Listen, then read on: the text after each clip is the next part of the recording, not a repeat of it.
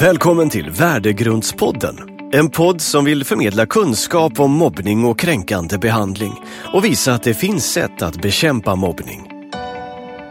Poddstudions Anna Jönsson möter Håkan Wetterö, värdegrundskonsult och expert på antimobbningssamarbete. Med stor erfarenhet och med kunskap från den senaste forskningen arbetar Håkan aktivt via sitt företag Uppbilda med att föreläsa, utbilda och bryta mobbningsärenden på skolor, föreningar och arbetsplatser. Välkommen till avsnitt tre av Värdegrundspodden. Och som vanligt är det jag, Anna Jönsson från poddstudion och du, Håkan Wetterö Jajamän. från Uppbilda. Och idag har vi även en gäst, Peter. Det är kanske är bättre att du presenterar Peter, Håkan. Ja, eh, Peter är en förälder eh, som jag har jobbat med eh, för några år sedan. Jag kommer inte ihåg exakt hur länge, men en fem, sex år sedan. Och eh, eh, familjens son blev väldigt eh, utsatt för hård mobbning i skolan och vi fick ett eh, otroligt bra eh, samarbete mellan mig och eh, föräldrarna eller familjen som eh, har lärt mig oerhört mycket. Oerhört mycket. Så därför så är jag väldigt stolt över att Peter är här och vill dela med sig av den erfarenheten. För den erfarenheten som du har är inte rolig på något sätt, men jag är säker på att den kan hjälpa många andra. Välkommen till Tack så mycket. Tack så mycket. Okej, när började det här? När träffades ni? Eh, detta var på en eh, mellanstadieskola Mm. eh, och eh, om jag inte minns fel så var det årskurs fem. Men du trodde det var fyran, Peter? Ja, det hela började i årskurs fyra ganska omgående. Ja, just det. Sen kom vi i kontakt under början på årskurs fem. Just det. Så kanske det var ja.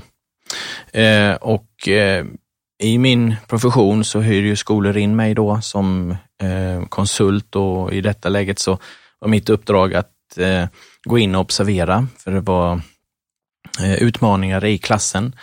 Och det som var grejen där, att det var att jag eh, såg mer utmaningar än vad det som vi hade gått igenom på, med på våra möten. Mm. Och det var bland annat att eh, Peters son blev utsatt. Så du var där för någonting helt annat? Ja, eh, det kan man säga. Så det var du som slog larm? Ja, jag tror det. Ja, även till oss faktiskt. Även Ja. när vi hade sett tendenser tidigare på att han inte mådde bra så visste vi inte var det kom ifrån.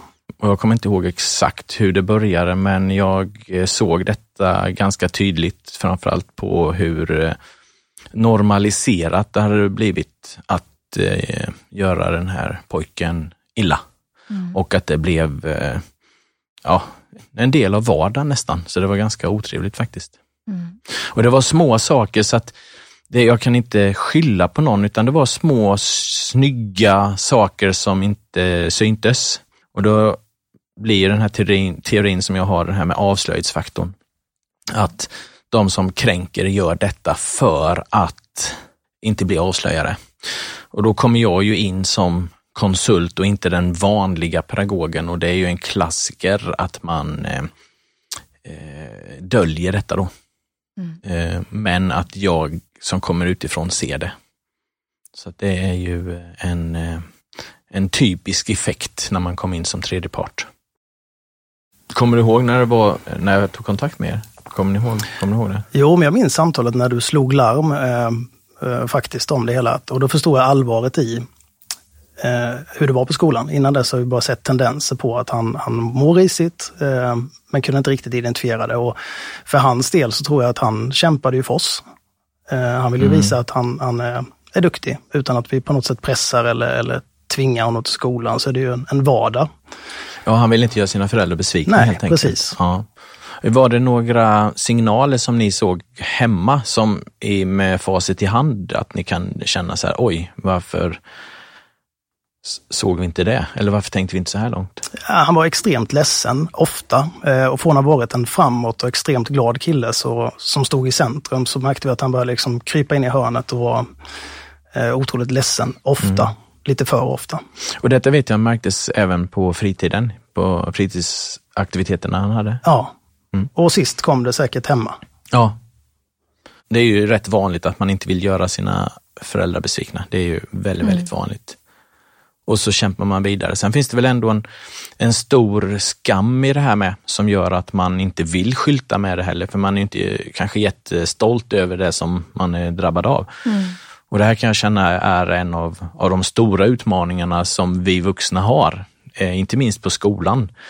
Eh, men också hemma, att man söker de här signalerna och är det någonting som är konstigt och att man hör av sig då till skolan så fort som möjligt. Och i min värld så ska man göra det fem gånger för ofta än en gång för lite. Att man frågar, jag märker att min son verkar må lite dåligt. Märker ni något? Man behöver kanske inte säga, Nej, och det kanske inte behöver vara att man mår dåligt. Det kan ju vara att handduken är ihopvikt även när man kommer hem. ja just det. Eller hur? Och har du inte duschat idag? Nej, vi har inte haft någon gympa. Så blir det lite, blir det lite lögner och sånt. Och då tror jag att man ska vara lite vaken. Särskilt på låg och mellanstadiet. Faktiskt. Vad, hur blev ditt jobb här nu då Håkan? När ni hade upptäckt att någonting händer? Ja, eh, jag eh, såg ju de här tendenserna väldigt snabbt ändå eh, och jag såg eh, eh, pojkens eh, rörelsemönster och eh, de starkaste minnena jag har är att han hade en luva på sig Mm. och täckte sitt eh, vackra ansikte för han ville liksom inte eh, visa sig. Så då fanns det liksom en, en skam i det där. Eh, sen så såg jag ganska väl att när man bara då tittar på en situation hela tiden utan att blinka, utan att att, och skriva eller utan man, man bara tittar rakt fram på situationen, så märkte jag att det var ganska många som gick fram och sa små saker, eh, drog ner luvan eh, och sådana små saker även inne i klassrummet under undervisningen. Och de är ju helt omöjliga att se när man undervisar. Det går inte att se det, utan de ser man bara när man sitter och, och tittar. så. Men när man tittar bara på den situationen så ser man inget annat. Så att ibland så missar jag sådana situationer bara för att jag skriver någonting på min padda. Och, och gör en anteckning. Då kan man missa sådana små, små, små situationer som då blir många stora. Sen eh, minns jag en situation som, som jag tyckte var ganska stökig för att vi organiserade oss ganska väl som pedagoger och ställde oss på strategiska ställen, exempelvis när man skulle gå till matsalen. Eh, och då ställde jag mig i trappan och tittade och liksom sådär. Och eh, då när eh, den här pojken kommer förbi så bara viker han sig. Och, och, ett sånt där ljud. Och då är det någon som slår honom faktiskt i magen precis framför ögonen på mig. Och sen springer därifrån. Och jag, liksom, jag hänger inte med. Så även om jag är där för att titta och observera och liksom se sådana saker, så hinner inte jag med för att de står så nära mig. Så det var liksom bara, där stod jag som ett fån och det blev absolut ett tyst godkännande från min sida. För det gick så fort så jag hängde inte med. Så det var en av bilderna som, som lever kvar hos mig faktiskt. Sen eh, här Peter så eh, jobbade vi rätt mycket för att det som var lite unikt här med kände jag är att vi, eh, jag fick sjukskriva honom. Mm. Eh, Alltså från skolan. Och det hoppas jag inte jag behöver göra igen någon gång. Men eh, han mådde så dåligt för att eh, jag satte honom i, in hos ett vilorum och så la vi faktiskt en hink ifall han skulle kräkas. Men då lugnade det ner sig. Sen när han kom in till klassrummet igen så mådde han dåligt igen. Och sen så jag vet jag att du var och hämtade honom ett antal dagar som jag ringde och sa så att jag, jag tror ni måste hämta honom för att man vet inte om han är magsjuk eller vad det var. Och sen ringde jag på eftermiddagen och kollade hur han mådde. Då var han hur pigg som helst. Kommer du ihåg det? Ja, det var upprepade tillfällen och eh, den ångesten som du såg, den såg inte vi hemma. Så pass grov så att säga. Däremot så kom ju den senare sen. Den kom senare, ja. Mm. Och den ångesten, det, det var nästan så att jag kände att han var allergisk. Först mot eh, klassrummet. Eh, och sen så efter några dagar, vi har, du fick åka och hämta honom, jag kommer inte ihåg hur många gånger du åkte och hämtade honom och det är ju helt fantastiskt att föräldrar bara lämnar sina jobb och bara ställer in allt för att jag ska ta hand om mitt barn. Mm. Så stor heder. Eh, det var ju du och jag som hade mest kontakt där. Jo, men det är ju en självklarhet som jag ser det. Ja, och en annan sak som jag blev lite beundrad över, det var att, att du, ni behöll er så lugna. Jag hade ju varit tokig tror jag som förälder. På, på ytan ja. På ytan, ja. Eller hur? Jag vet ju att ni kämpade järnet hemma, men mot mig och mot skolan och mot de föräldrar som har barn som gjorde ditt barn illa var, det, var ni ju väldigt kloka, måste jag säga. Ja, men jag tror att både, både jag och min fru är extremt lösningsorienterade. Kanske lite för mm. lösningsorienterade i ett sånt här mm. läge. Mm. Eh, och, och jobbar vi mot ett mål så kör vi det in i kaklet och mm. med facit i hand så eh, det, där bannar jag mig själv mm. nu i efterhand. Ja, det är klart man måste kämpa eh, och, och, ge det en chans. Det går inte bara att ge upp liksom, men här gick det åt skogen för lång tid. Ja, och det, det, det är ju det som var lite magiskt med det här att eh, i och med att eh, vi upptäckte det så sent att det har hållit på så länge och att han, han utvecklade det här eh, dåliga måendet under, ja, då gick det ju rätt snabbt faktiskt, eh, till att vi såg att han mådde dåligt i klassrummet, sen mådde han även dåligt i, i, i vilorummet och sen så, nej men han får vara hemma här. Vi, vi tar det beslutet att du får vara hemma i två veckor. Mm. Och de första dagarna har jag för mig att han mådde riktigt bra. Vi funderar på, nej men ska han komma till skolan igen? Ja, nej, men han, han, det var som en ny kille där. Mm. Vi, mm. Kanske inte hela vägen, men, men uh, otroligt lättad. Mm. Av att slippa gå till skolan. Ja. Mm. Blev glad helt plötsligt. Ja. Det var som dag och natt. Mm. Ja, ett annat minne som jag har var när de var ute och lekte en lek. Så eh, var de så otroligt skickliga de här som organiserade mobbningen, att i leken så ställde din son någon fråga. Typ, eh, kan jag vara med? Och direkt gick de till en pedagog och så sa så här, bara, ah, han förstör leken. Och då fick ju din grabb skulden för det. Och i själva verket så var det att de inte ville att han skulle vara med. Så de var ju liksom jätteskickliga så att de lurade ju både mig och, och pedagogerna och kanske även kompisarna. Så att mm. en del var ju så extremt uträknade så att eh, man undrar liksom hur var de få allting ifrån. Mm. Och det, han kan ta upp de här situationerna än idag faktiskt. Han Sex år det. senare kan han berätta om exakt det här när han blev ditsatt mm. av de vuxna. Mm.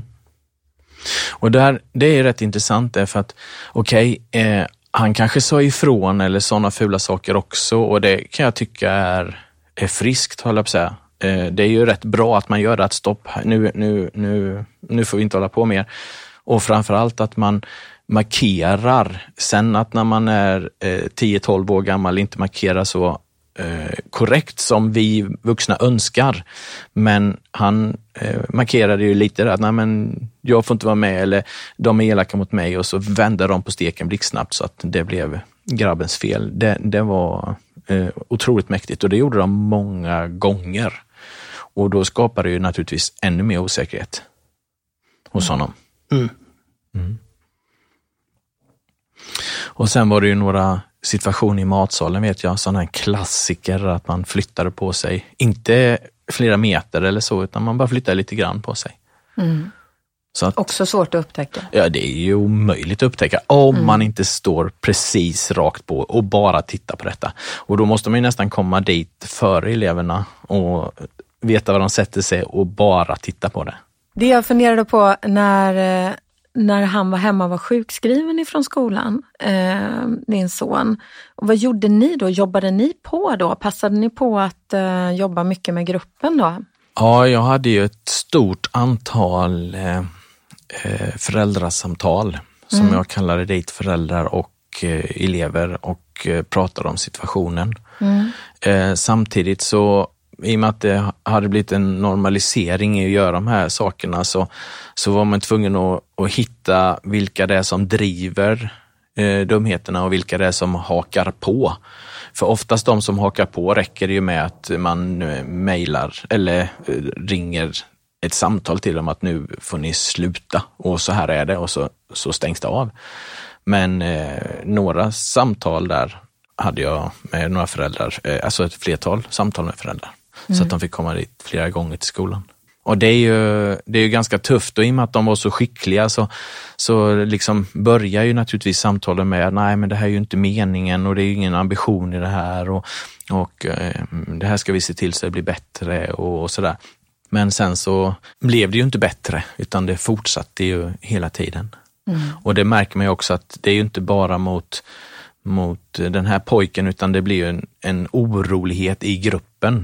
Och det som jag säger, när det finns eh, mobbning så här i, i, en grupp så, så är det ju något osunt i gruppen och det är det vi måste arbeta med. Och det är ett av de osunda, det är att det får många, många medlöpare. Och här upplevde jag faktiskt att det var ganska många som drev. Det var väl en eller två som jag upplevde de som driver stort, men sen så att det är, är rätt många som hakar på eh, i tidigt eh, stadie och ganska mycket. Vilket gör att man får en känsla av att det är många, även om det inte var många. För i kartläggningen sen visade det sig naturligtvis att det är rätt många som inte ställer på det här.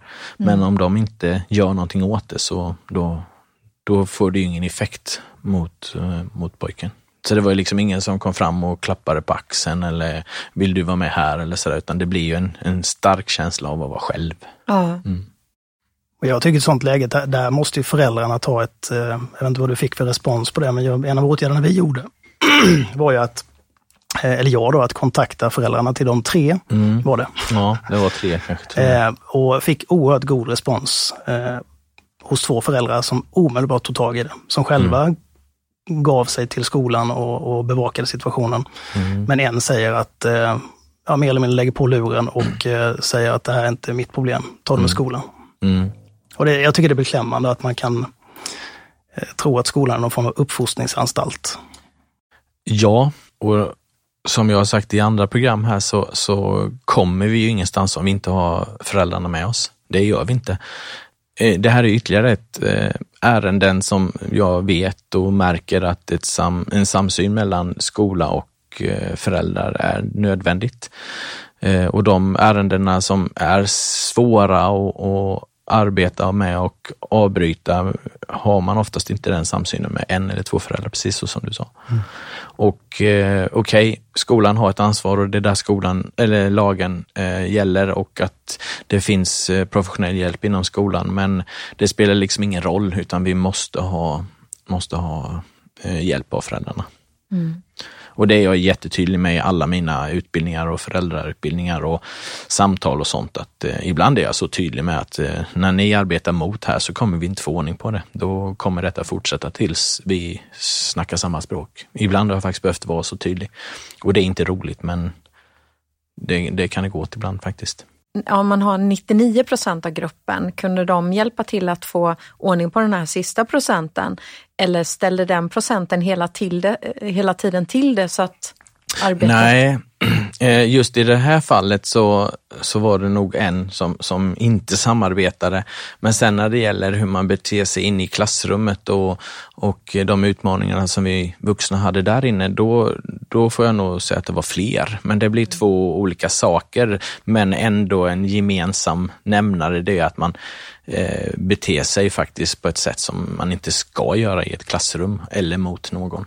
Så att det, det finns tydliga likheter i det och det är ganska vanligt att jag kommer in till klassen nu som jag inte har ett specifikt fall att arbeta med utan att det är trygghet och studieron som är problemet. Men i den konstellationen och den problematiken så finns det ju väldigt mycket kränkningar i. Så att eh, det går ju hand i hand med studiero och, och trygghet och eh, kränkande behandling. Mm. Vad gjorde ni här konkret? Föräldrar, nu pratar du med föräldrarna. Ja, jag pratade med föräldrarna. Eh, jag, det jag inte gjorde då, som jag nästan alltid gör nu, det är att man informerar föräldrarna om hur eh, vi arbetar i skolan. Mm. Det gör jag alltid nu. Alltså ha ett akut föräldramöte och berätta så här och så här och så här jobbar vi. Så att alla får en allmän kännedom. Mm. Så att man kan gå hem och prata med sina barn i lugn och ro. Hela klassen? Hela, ja, eh, alla föräldrar i hela klassen. ja. Mm. Mm. Eh, och sen så jobbar man ju mer med hela klassen med elevutbildning, men det gjorde vi då också. Mm. Gjorde vi. Men det här just med att vi blandar in alla föräldrar med, med en utbildningsfasen, det gjorde vi inte då. Mm. Eh, och det är ju en av de lärdomarna man har lärt sig. Mm. För då får man liksom den här grundsynen och skulle någon sticka ut sen utan att eh, samarbeta med oss, så då kan man attackera det problemet då. Jag funderar på det Peter, eh, du säger här att en del föräldrar var samarbetsvilliga. Men hur önskar du att en förälder skulle vara gentemot er? Nej, men för, framförallt eh, kommunicera med oss i situationen. Eh, mm. Att man har en dialog, en kontinuerlig dialog kring problemet. Eh, men framförallt att de, de tar tag i sina barn hemma vid köksbordet. Mm. Eh, och berättar vad som är rätt och fel. Och att man sätter sig ner och liksom pratar om att försöka sätta det in i hur han eller hon känner sig. Ja. Och det kan jag känna också är en, en utmaning vi har idag. Att helt enkelt se till så att vi jobbar mer på empatin. Ja, absolut. Mm. Men dialogen tror jag är jätte, jätteviktig att uh, ha. Föräldrar sinsemellan utanför skolans värld. Att vi kör vårt spår och den åtgärden går parallellt med allt annat. Den metoden du använder är ett mm. långsiktigt mm. arbete mm. För, att, för att förebygga egentligen. Ja. Och här kommer du in i ett, en situation, det är en krissituation. Ja. ja, det kan man lugnt säga att det var en krissituation. Men sen så, eh, efter de här två veckorna, hur gick resonemanget hos se då? Ja, precis. Och, och, det här är som sagt, det var ju dödsstöten tror jag för honom att, att äh, här skulle vi ha avbrutit mm. äh, och tagit steget redan då så att säga. Äh, men vi gjorde ju en, en, om jag minns rätt nu, så gjorde vi en plan att, att jag släppte jobbet och var med i skolan. Du var med Håkan, mm. ett par gånger. Mm. Vi hade ytterligare en resurs som var med mycket och sen hade jag några kompisar som ställde upp. Så att han Just hade det. hjälp i princip varje dag. Mm. och sen var väl planen att vi skulle övergå till att följa med honom till skolan och mm. så lämna av och hämta upp och mm. skapa någon form av... En inskolning nästan? Ja, ja, ja, en trygghet i, mm. i det där då. Eh, men det var ju då de riktiga panikångestattackerna kom hemma. Ja. På nätterna. Kunna mm. vakna och vara helt förstörd. Och då var det lugnt med de ångestattackerna när eh, han var sjukskriven? Ja, ja, han var jätteglad. Mm. Otroligt. Och då så kände ni direkt bara att äh, men det här funkar inte? Nej, jag tror att eh, det, det, började med att du tipsade om eh, barn och ungdom i Huskvarna. Mm. Eh, att gå dit och ta hjälp. Ehm, och det gjorde vi. Ehm, och eh, då började det med att vi samtalade ihop med dem, tillsammans med dem och sen fick jag prata eh, individuellt med eh, den här terapeuten då. Mm. Och då kallade hon in oss och så sa hon att jag tycker ni ska byta skola. Mm. Och det sjuka är att det har pågått i nästan två år, tror jag, eller ett och ett mm. halvt. Och poletten trillar ner fullständigt och det känns helt självklart att göra, fast vi har inte tänkt tanken i den här Nej. lösningsorienteringen. Och, och där, jag får ju de frågorna väldigt, väldigt ofta. Eh, varför byter man skola på den som blir utsatt? Det är ju mobbaren ja, som vi, ska... vi tänkte inte så. Det fanns nej, inte i, det var inte ens ett akt, aktuellt nej. att fundera på de banorna. Och det är lite det som, som gör detta lite speciellt. Dels att ni får en sån hjälp av barn, barn och unga, mm. eh, vilket jag verkligen kan rekommendera när det är i en sån här situation, för de är jätteskickliga. Och det var mycket hjälp till er. Och det är en hjälp som, som inte vi i skolan kan ge. Kanske eh, om det finns någon kurator som, som har den kunskapen och, och, och tiden och, och, den. Men annars är det lite spetskompetens där inne Ja, och det, det, jag skulle kunna prata hur länge som helst om det, men, men dels är det ju att, att han själv hittar verktyg att hantera ångesten. Mm. Det, jag tror inte man klarar det som förälder, hur påläst du än är om psykologin, så är man i vardagen och allt det där som förstör. Mm. Eh, även om, om, vi coachar och hjälper till så att säga. Mm. Eh, och sen att vi får verktyg när, som man vet när man ska vara tuff och inte vara tuff. Just För shit vad tuff man har varit vid fel tillfälle ja, i den här perioden. Mm. Tryckt på helt fel ställen. Och, och tro att man gör rätt. Exakt. Ja. Och det kan han också han säga idag faktiskt, eh, komma tillbaks till när jag tryckte till på fel ställe. Men det är någonting som, som ja, det har vi lärt oss jättemycket av och är eh, till stor nytta idag i relationen och dialogen med honom.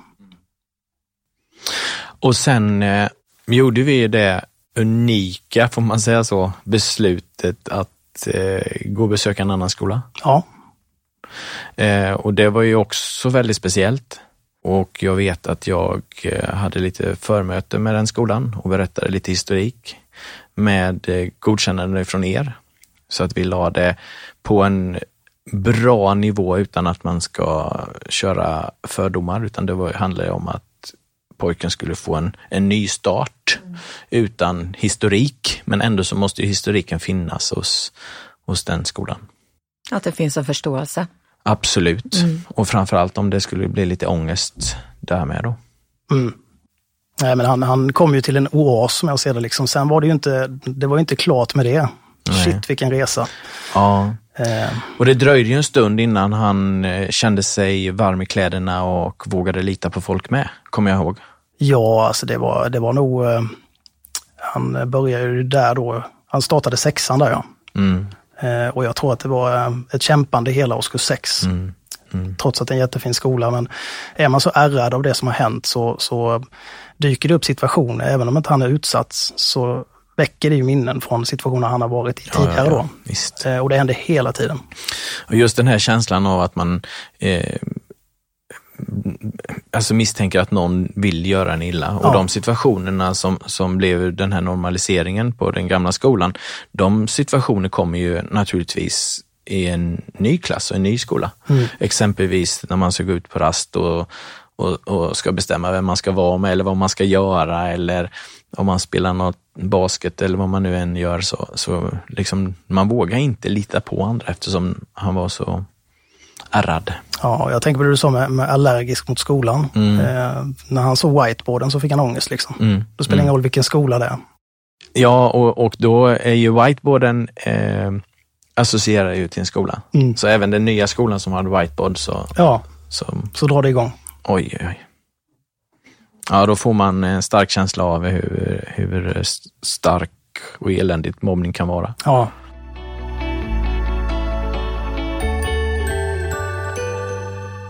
Sen vet jag att ni åkte förbi skolan någon gång under de här två veckorna ni var sjukskrivna och att när han bara såg skolan så mådde han dåligt. Ja.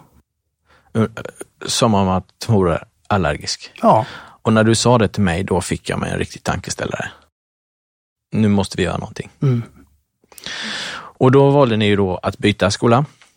Vi gjorde en introduktionen och han var på banan. Men hur, hur blev det hemma då? Kände, märkte ni någon skillnad? Blev det en ny pojk eller hur lång tid dröjde det innan han, kände, ni kände att det här var återställt?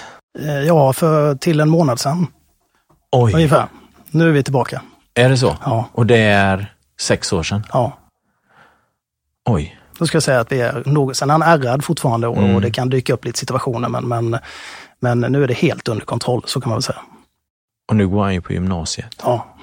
Ja, det är otroligt. Men för att svara på den, den frågan där så, eh, med hjälp av barn och unga eh, i kombination med, med eh, en bra skola så löste det sig successivt så att säga. Mm. Men, men, men det var nog nästan samma status som när det var som värst på förra, i början. Mm. Nästan. Fast det du glömmer en viktig ingrediens här. Peter. Och det är ju ni föräldrar. Eh, I min värld så är ni ju helt unika och vilket jobb ni har gjort och vilket tålamod. Och lösningsfokuserade, absolut. Men sen när ni då, bara det att ni tar kontakt med barn och unga och att ni inte har yxan i näven och liksom ska ge igen, vilket är ganska vanligt faktiskt, utan ni vill ju egentligen alla väl ändå. Och det, där, där tror jag är en viktig, alltså att ni får ta, ta åt er otroligt mycket. För att eh, det, era, eran bemötande och att ni har så samspelt ändå hemma, det tror jag har väldigt, väldigt stor anledning till varför han mår bra nu. Mm.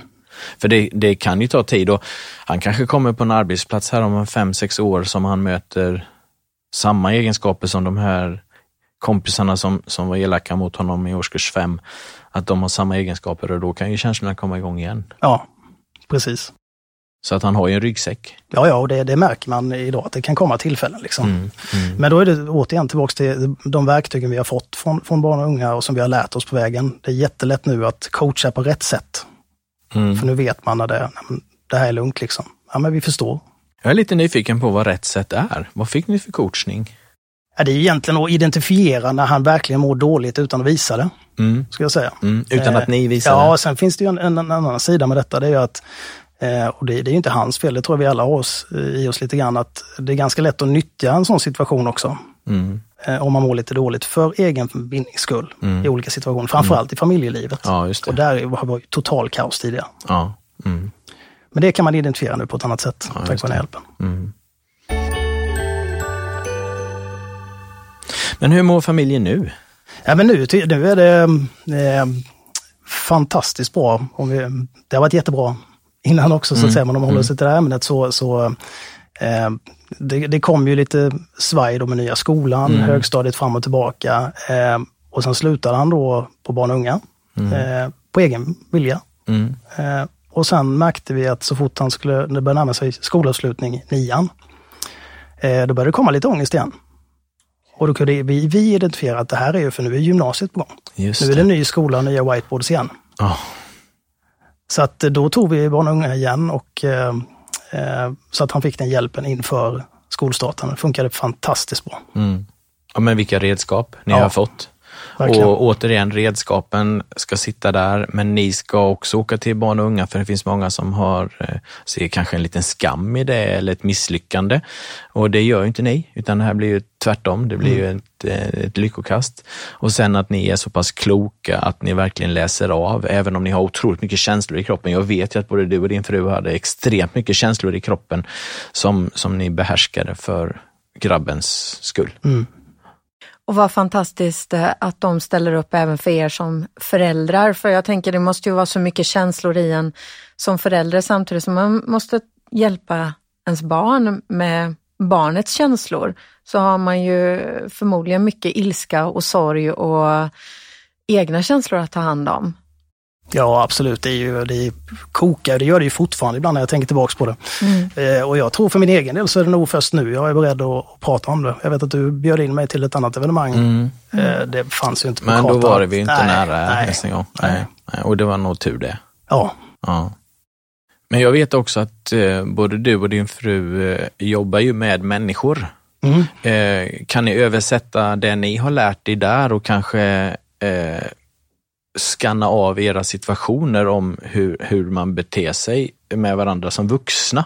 För vuxenmobbning är ju ett ämne vi ska beröra vid så småningom här också. ja, då kan jag komma tillbaks. Ja, kan du det? Ja, Ja, det är vad jag jobbar med lite professionellt idag. ja, ja. Men det är perfekt. Ja. Mm. Nej, skämt åsido. Nej, men jag har jätte, lärt mig otroligt mycket Ja. om man ska plocka in det i, i min profession som, Ja. som coach. Då. ja, jag menar det. Eh, otroligt mycket. Mm. För så fort det sker möten mellan människor och man eh, är noggranna med vilken värdegrund man ska ha i det här mötet och hur man ska prata med varandra och sånt. Och man har den erfarenheten som ni har och då, då kanske man ställer lite högre förväntningar än om man inte skulle haft den erfarenheten, tänker jag. Ja, absolut. Mm. Märker de det, här, dina kollegor, att här är en som är noggrann med det här? Du får fråga dem. Ja, jag får göra det. Jag får ta numret där sen. Man kanske upptäcker de situationerna snabbare också. Att man eh, ser att, vänta lite, det här, är, det här är någonting mer. Det här är inte bara skoj. Det här är någonting annat. Ja, absolut. Eh, Jo, men det, självklart så, så har det blivit en, en, att jag ser det tydligare. Ja, och ofta så kan det ju faktiskt börja med jargonger och det här vet vi ju faktiskt inte riktigt varför det började så här för, för pojken er. Heller kanske var jargonger som det började och sen ballade det ur. För det är ju jätte, jättevanligt att det blir en kultur och ett sätt att vara med varandra och sen så hittar man att ah, här sitter det lite extra och så kan det sättas igång. Så kan det mycket väl ha varit Mm. i detta fallet. Men eh, ibland vuxenvärlden är jag, ja, är ju min erfarenhet att det sker ganska ofta så. Att ingen bromsar. Nej, men du, nu snackar vi inte om det här. Utan nu, och även sexuella trakasserier och, och den här biten har ju också väldigt stor betydelse. Att någon måste bromsa. Att man, nej men du, nu, nu, nu drar vi ner lite på, på hastigheten här. Ja, men det var intressant, det ska jag fråga honom faktiskt. Eh, Jag har eh, inte tänkt tanken hur han upplevde att det här började. Nej, det gör gärna När det. började? Mm. Och jag, jag tror att den känslan jag hade var att det inte fanns ett datum, utan att det här blev någonting som växte fram. Men mm. det får vi återkomma till du. Mm. Mm.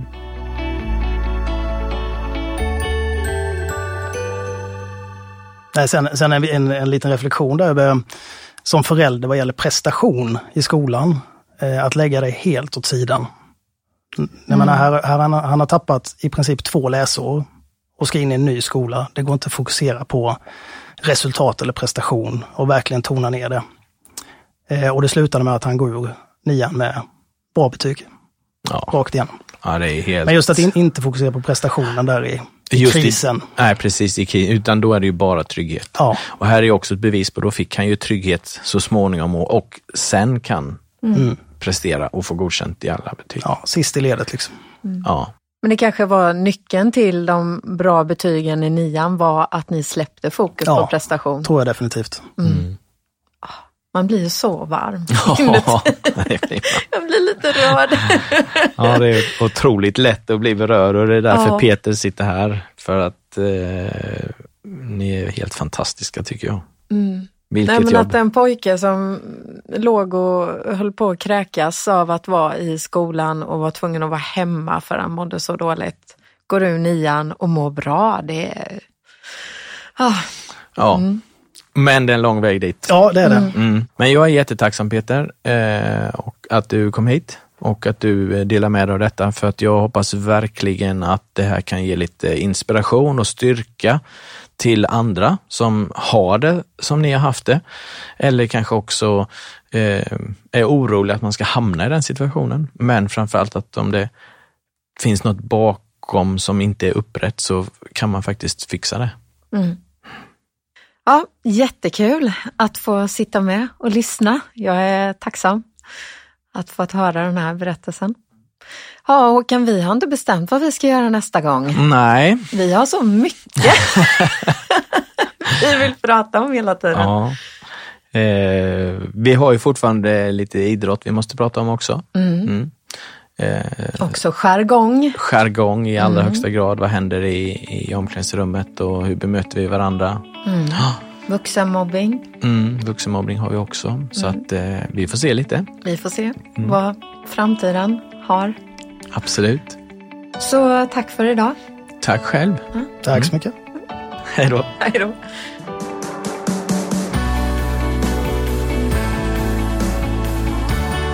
Du har hört det tredje avsnittet i Värdegrundspodden. Vill du eller någon du känner veta mer eller komma i kontakt med Håkan Wetterö? Besök Håkans hemsida uppbilda.se. Den här podden producerades 2019 av poddstudion.com.